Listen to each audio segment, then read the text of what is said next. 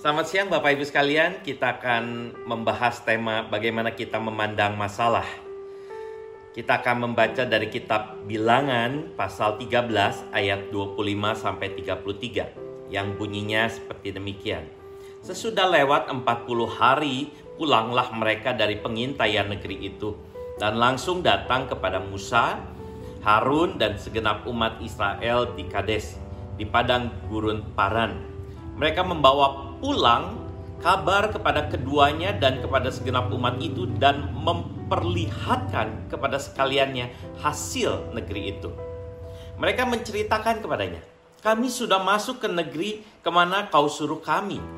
Dan memang negeri itu berlimpah-limpah susu dan madunya. Dan inilah hasilnya. Hanya bangsa yang diam di negeri itu kuat-kuat dan kota-kotanya berkubu dan sangat besar juga keturunan enak telah kami lihat di sana. Orang Amalek diam di tanah Negeb, orang Het, orang Yebus, dan orang Amori diam di pegunungan. Orang Kanaan diam sepanjang laut dan sepanjang tepi sungai Yordan. Kemudian Kaleb mencoba menenteramkan hati bangsa itu di hadapan Musa. Katanya, tidak, kita akan maju dan menduduki negeri itu.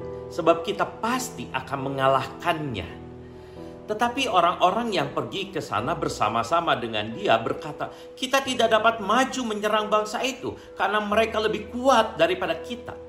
Juga mereka menyampaikan kepada orang Israel kabar busuk tentang negeri yang diintai mereka dengan berkata, "Negeri yang telah kami lalui untuk diintai adalah suatu negeri yang memakan penduduknya."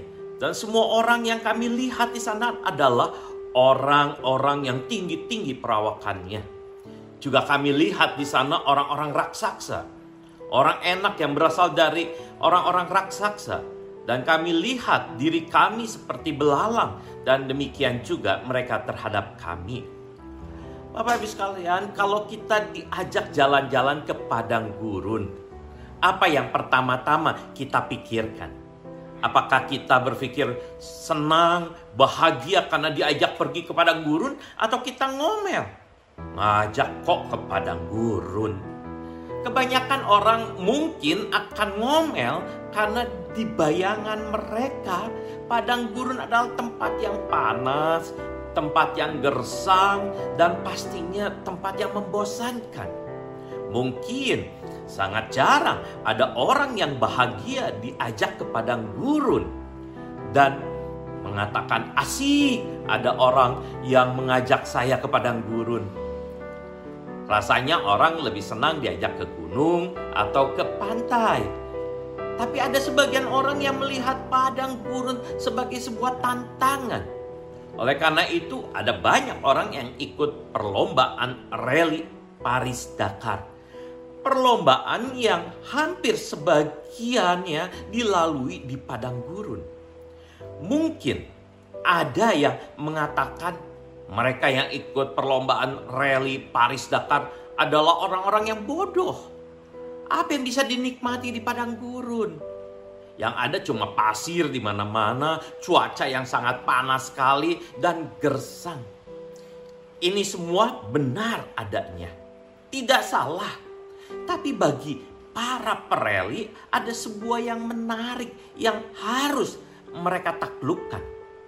Mereka memandang dengan cara yang berbeda. Ini yang menurut uh, Petrus Quick dalam bukunya The Christ in Crisis adalah reframing pengalaman.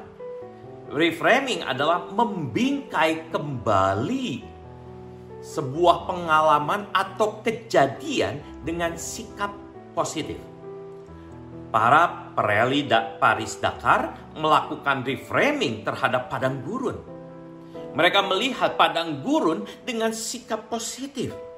Seharusnya orang banyak juga dapat memandang padang gurun dengan cara yang berbeda. Di padang gurun, para pereli belajar fokus, mental, mereka juga belajar untuk berpikir cepat dan bertindak tepat. Bapak Ibu sekalian, demikian juga dalam bacaan kita pada saat ini. Tentang 12 pengintai yang mengintai tanah kanaan.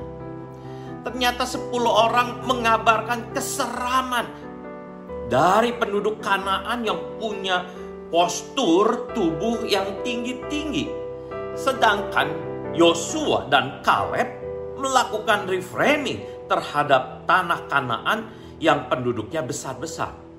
Yosua dan Kaleb tidak menakut-nakuti bangsa Israel, tetapi membesarkan hati bangsa Israel.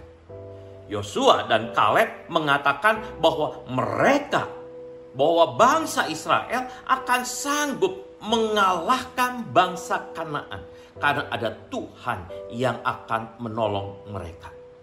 Yosua dan Kaleb melihat semuanya dengan mata iman kepada janji Tuhan.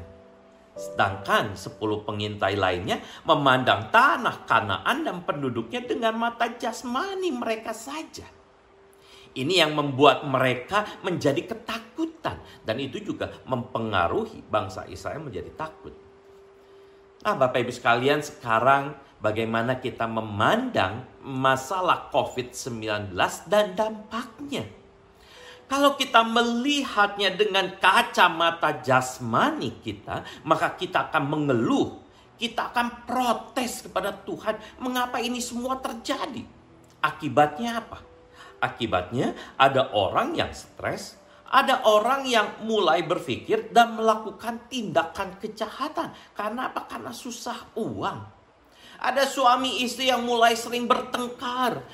Ada orang yang terkena COVID merasa dirinya terkena aib dan tidak ada semangat untuk sembuh.